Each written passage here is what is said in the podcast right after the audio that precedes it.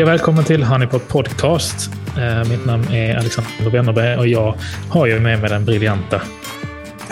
Tackar, tackar. Eh, Fredrik Heghammar. Jajamän. Tada! Tada! Trumvirvel. Oj, ja, det är härligt. Eh, man, man blir glad. Lik, likadant, jag ska faktiskt ge ett tips. Jag ska börja med ett tips här. Mm. Eh, Veckans tips. ja. När ni kommer upp på morgonen, eller egentligen vilken tid på dagen som helst, men på morgonen är det ganska bra. Eh, då har jag fått det här tipset utav eh, han som spelade gitarr med Tom Petty som heter Mike Campbell. Eh, han numera, Tom Petty är ju tyvärr död, stor saknad eh, av denna fantastiska musiker. Men eh, nu Mike Campbell, då, han sjunger eh, i ett band som heter Dirty Knobs, kan jag rekommendera också. Men han, eh, han har den här grejen att om man sträcker upp armarna upp i luften och som att man liksom står så här och hejar på någon. Eller man står på konsert, ni vet, med armarna i luften och, och liksom yeah! Prova att göra det morgonbitti så får ni känna vilken bra dag det kommer bli. Så gör- känns det när du, när du presenterar den här i podden. Yes, man börjar med en segergest. Exakt. Så otroligt härligt Ja. faktiskt. Det är pepp. Ljuset i tunneln, det gillar vi. Jajamän. Eh, idag så ska vi prata om en grej som vi eh, stötte på. Eh, eller jag stötte på, som jag delade med dig för att jag Ja. tyckte det var himla spännande. Och det är ett begrepp som kallas för eh, Humanity-centered design. Eh, och det som är intressant med det är väl egentligen att man har ju väldigt mycket pratat om human-centered design. Mm, det är ett Ja. begrepp. Det är ett begrepp som man känner till och det har man hört och det, det uppkom på 80-talet eh, och fokuserade ju då egentligen på att man skapar då utifrån människors behov, alltså så här, man ska lösa, eh, om man då använder human centered design då, så handlar det om att gå till kärnan, eh, titta på roten till problemet, eh, fokusera på människorna när du ska lösa saker och ting.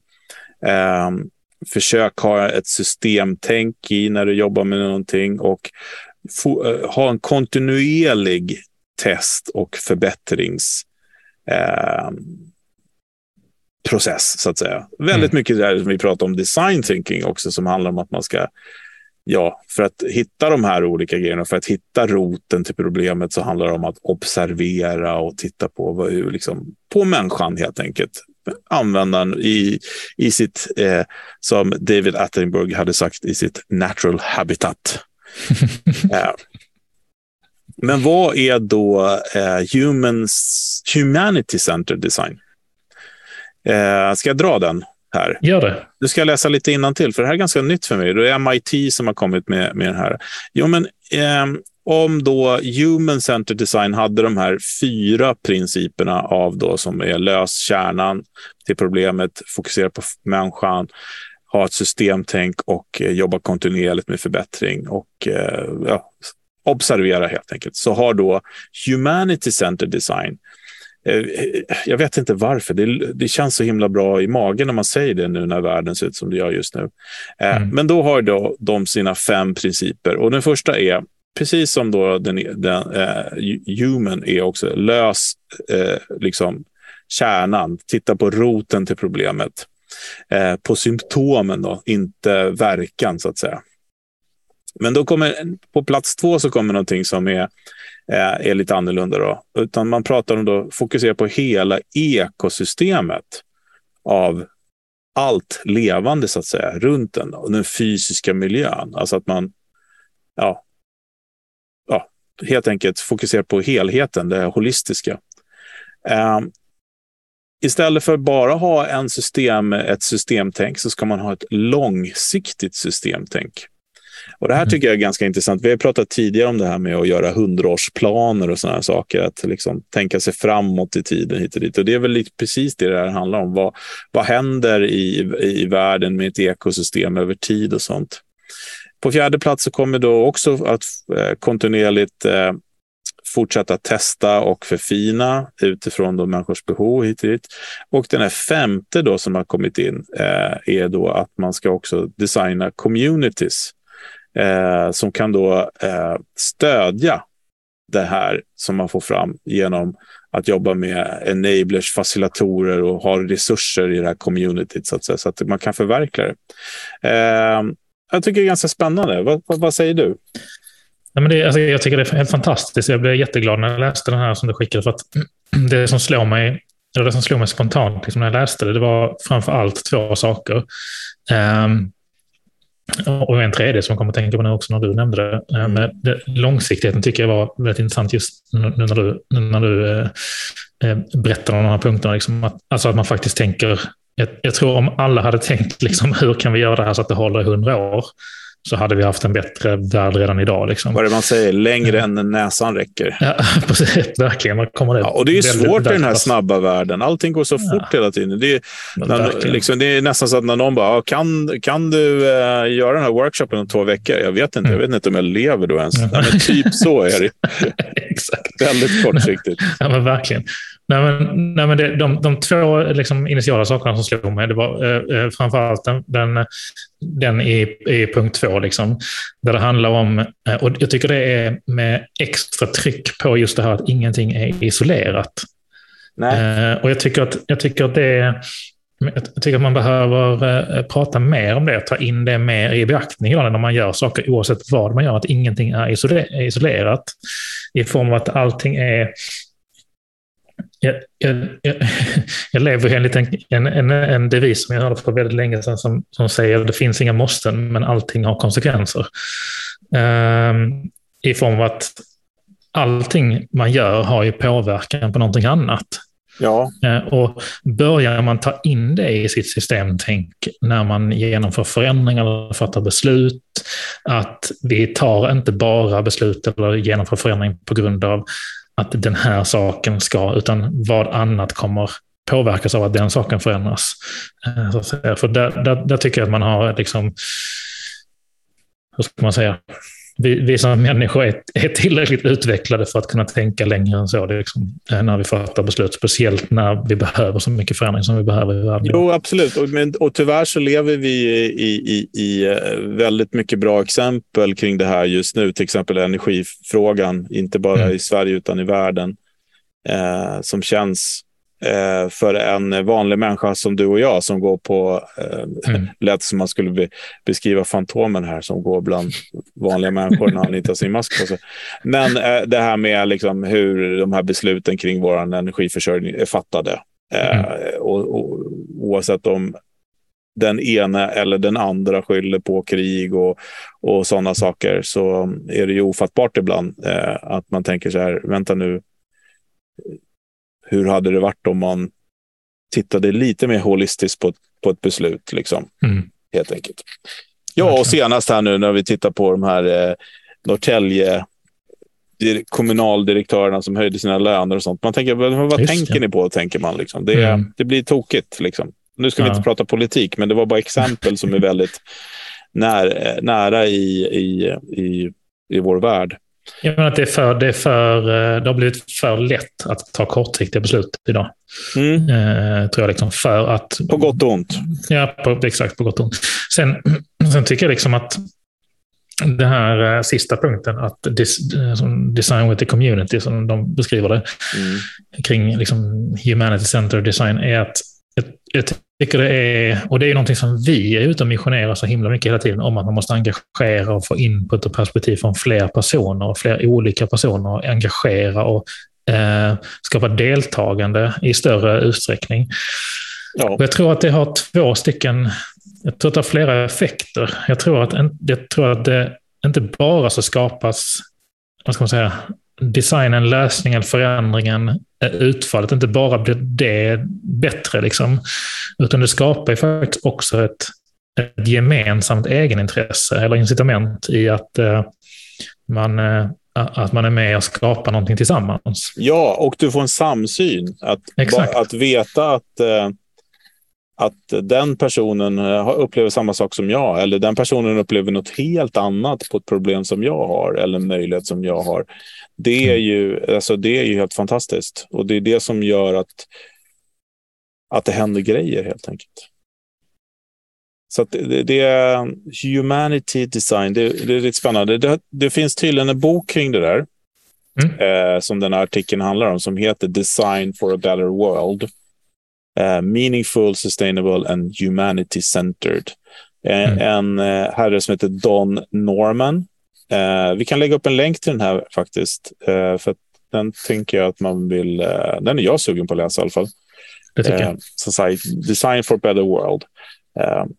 humanity design. Men vad tänker med det här systemtänk tycker jag också är spännande och som vi säger då med de här långsiktiga planerna. Mm. Eh, när vi jobbar med, med våra kunder så försöker vi prata om skalbarheten och det är ju för att närma oss det lite grann på ett, ett, ett, ett liksom mera närliggande sätt om man får använda det uttrycket. Att liksom så här, ja, men jag har den här idén och hur kan jag skala den? Liksom? Kan det eh, både upp och ner såklart. Men där mm. har man möjlighet att titta liksom, hur funkar det här i ett ekosystem. Eh, och eh, för några år sedan, eller ett år sedan, nej, det var några år sedan säger vi. Då var det många som pratade om så här, äh, design thinking är ute, nu är det system thinking som gäller. Eh. Och eh, om man säger då att då blir jag väldigt glad av att läsa då, det här, för det här är ju system thinking med människor i fokus. Då är, alltså, om du förstår vad jag menar. Det, är, det låter som den bästa världen mellan systemtänk och design thinking.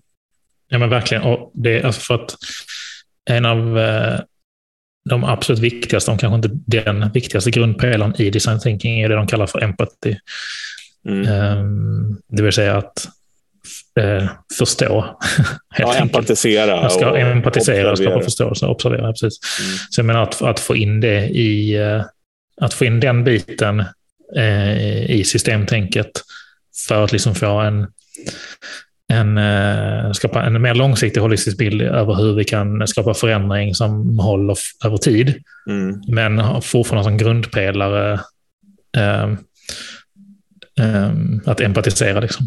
Ja, men precis. Och eh, det har vi nämnt tidigare också att eh, eh stadsplaneringsvärlden och byggvärlden har ju anammat det här fullt ut nu. Eh, de, de seriösa aktörerna åtminstone som eh, har haft en, en process för det här innan som heter triple helix som mm. numera har blivit en kvadrupelhelix och den fjärde komponenten är just då människor, humans.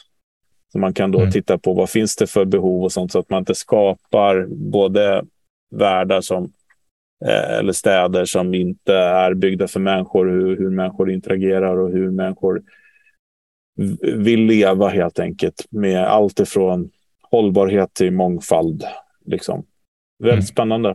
Och vi ser det här kommer ju mer och mer i alla, alla möjliga branscher som förstår att det här med att ta vara på både perspektiven internt, då, som vi kallar för internal design thinking, eller måste säga, till då traditionell design thinking där man då tittar, pratar med målgruppen eller till säga, konsumenten. Uh, och det, det blir man ju glad av att höra, att det blir mm. mer humanity. Men det är också, jag tänker, um, det kan ju låta väldigt stort och bombastiskt det här. Vad, vad, tänker du liksom om att få ner det här? Liksom i, för vi, vi pratar själva oftast om det här med skalbarheten. Liksom, om någonting är litet, hur kan vi göra det? Eh, kan vi skala stort? Om någonting är stort, hur kan vi få ner det så att vi faktiskt kan börja agera på någonting idag eller imorgon?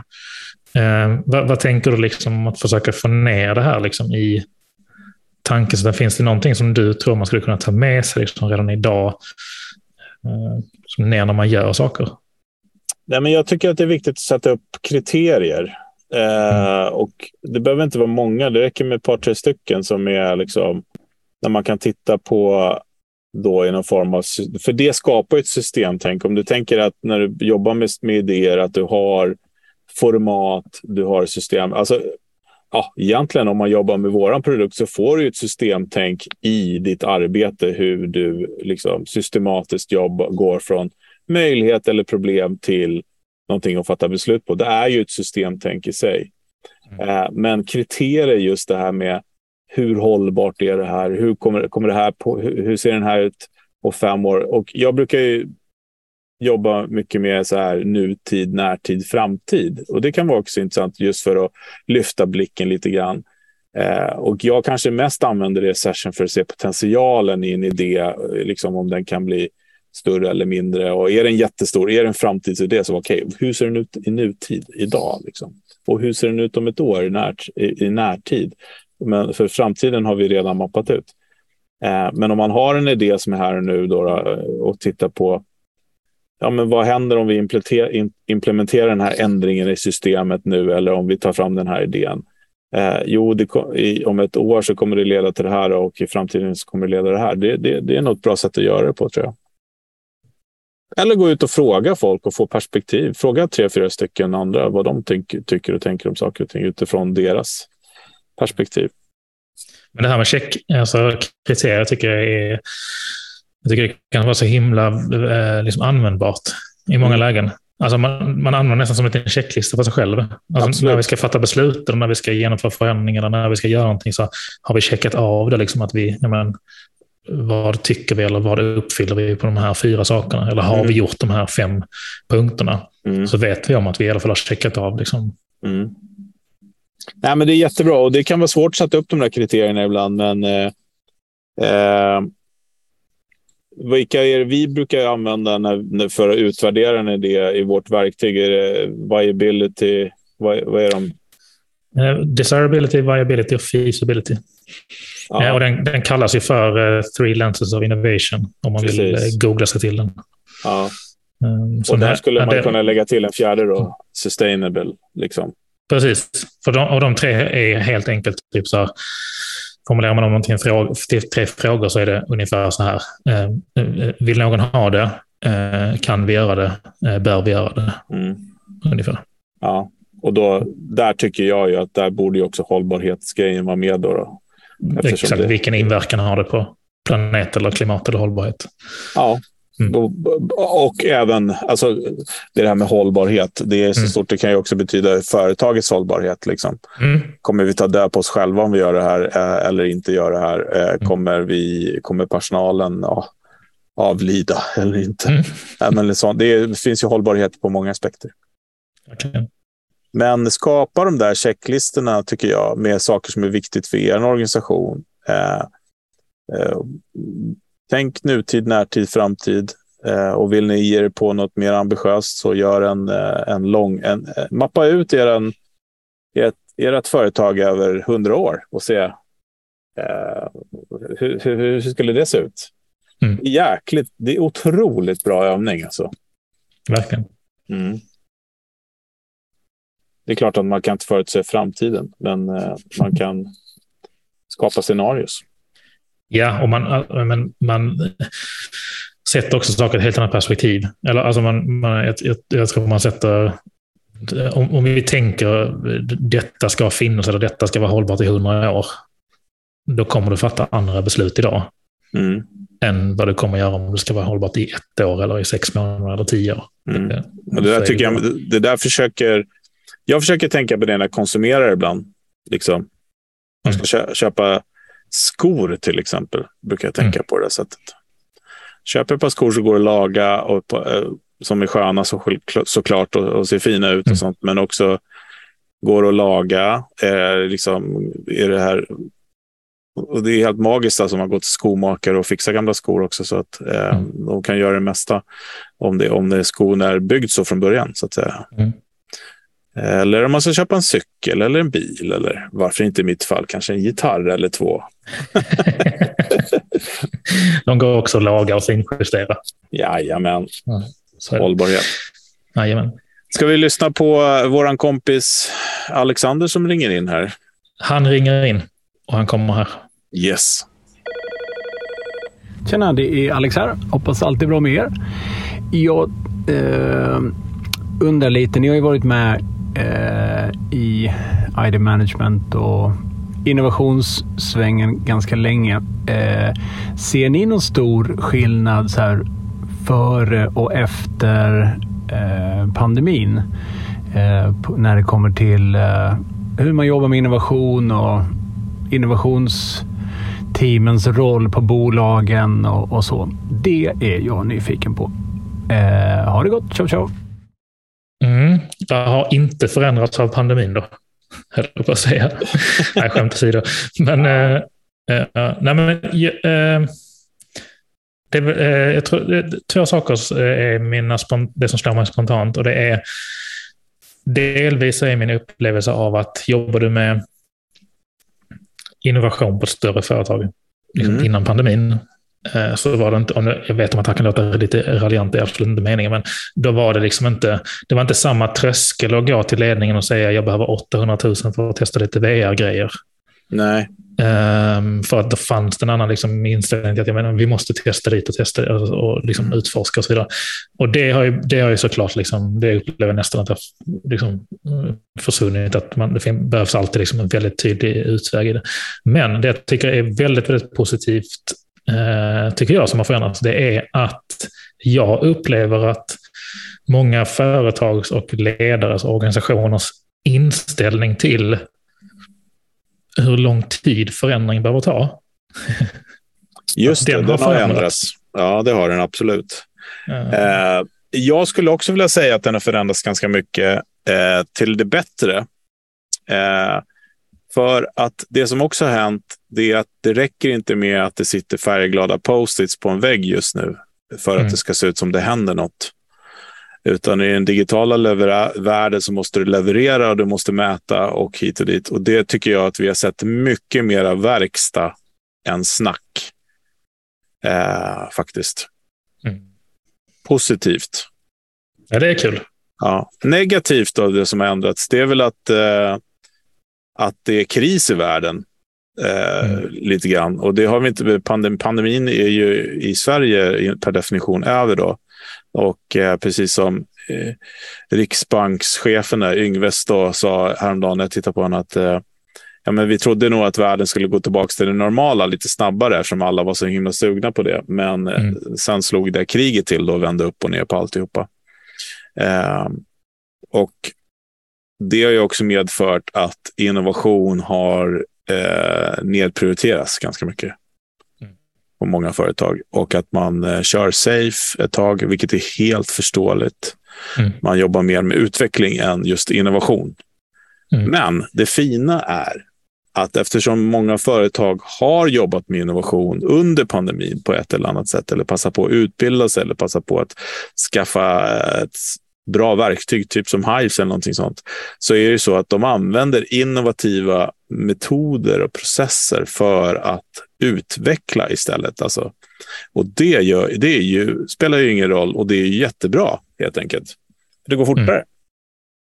Ja, och jag tycker också att det faktiskt är en ganska positiv sak att man behöver inte nödvändigtvis alltid peka mot att det måste vara innovation.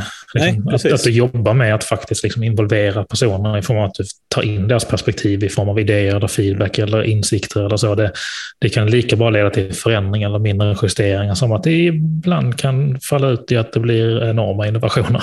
Mm. Men man behöver inte nödvändigtvis bestämma sig eh, om det på förhand. Liksom. Och en annan stor fördel är också att det här att eh, jobba digitalt eh, har ju alla förstått att det går. De flesta mm. yrkena går väldigt, väldigt bra. Eh, vilket gör att människor är mer tillgängliga. Mm.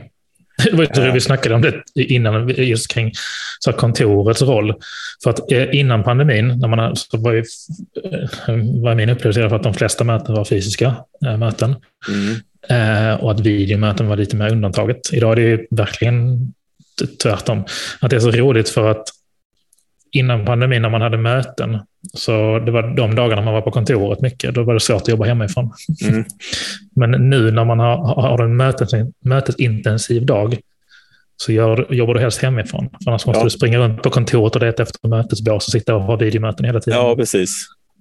Ja, nej, men det har ändrats, absolut. Men folk är mer tillgängliga nu, tycker jag, för att få in de här snabba, korta perspektiven eller testa mm. något. Eh, och det är väldigt fördel och eh, det, rädslan för att interagera digitalt är ju mer eller mindre helt borta, skulle jag vilja säga. Mm. Mm. Och det är fantastiskt. Så det, det är väl det, tycker jag. Mm. För det mesta till det positiva. Eh, ja, men faktiskt. Mm. Eh, det som jag har pysslat mycket med att göra workshops och sånt har jag gjort online med minst lika bra, i flesta fall bättre resultat. Mm. Men det kanske inte har varit lika roligt att sitta framför skärmen en hel dag. Nej, det är ju det. Men resultatmässigt så har det inte varit någon skillnad, snarare bättre. Mm. Eh, så att, eh, och sen så är det ju med också det vi pratade om i tidigare avsnitt med att, att pandemin och det som händer i världen nu, men framförallt pandemin, har väl ju, precis som du säger påskyndat det här med att vi vet att vi kan förändra oss snabbare. Men också att, vi, att det skapar boxar då att tänka utanför som vi pratade om det här eh, avsnittet för ett tag sedan. Eh, vad kallade du det? Mm. Eh, innovera i Ja, kris det- eller någonting sånt. Ja, det kan det nog heta. Ja. Ja. Nej, men det gör ju att det blir liksom blir, eh, världen krymper och då blir det helt plötsligt konkretare exempel att lösa. Det blir inte så stort och flummigt helt enkelt. Mm. Så det är bra. Mm. Vi lever i en bättre, en bet- vi lever i bättre förutsättningar. Det är kul. En humanare Mycket. värld med humanare design. Nej, humanare värld är det väl inte just nu. Det Ja. var ju dumt sagt, men vi, hopp, vi jobbar dit. Vi jobbar dit Ja. helt enkelt. Och att det, Jag, for, jag, jag, fortsätter se, jag fortsätter se ljuset i tunneln. Jag stack ju ut hakan i slutet av pandemin och sa att nu börjar det glada 20-talet. Mm, Men jag tror fortfarande på det. ja. Ja. det, det kommer. Det kommer. Ja. Ja, men det är bra. Men Ja. eh, jag tror att vi gör så att vi säger tack för idag och så hörs vi eh, nästa vecka. Nästa tisdag. Ha Ha det bra. gott tills dess. Hej. Hej, hej.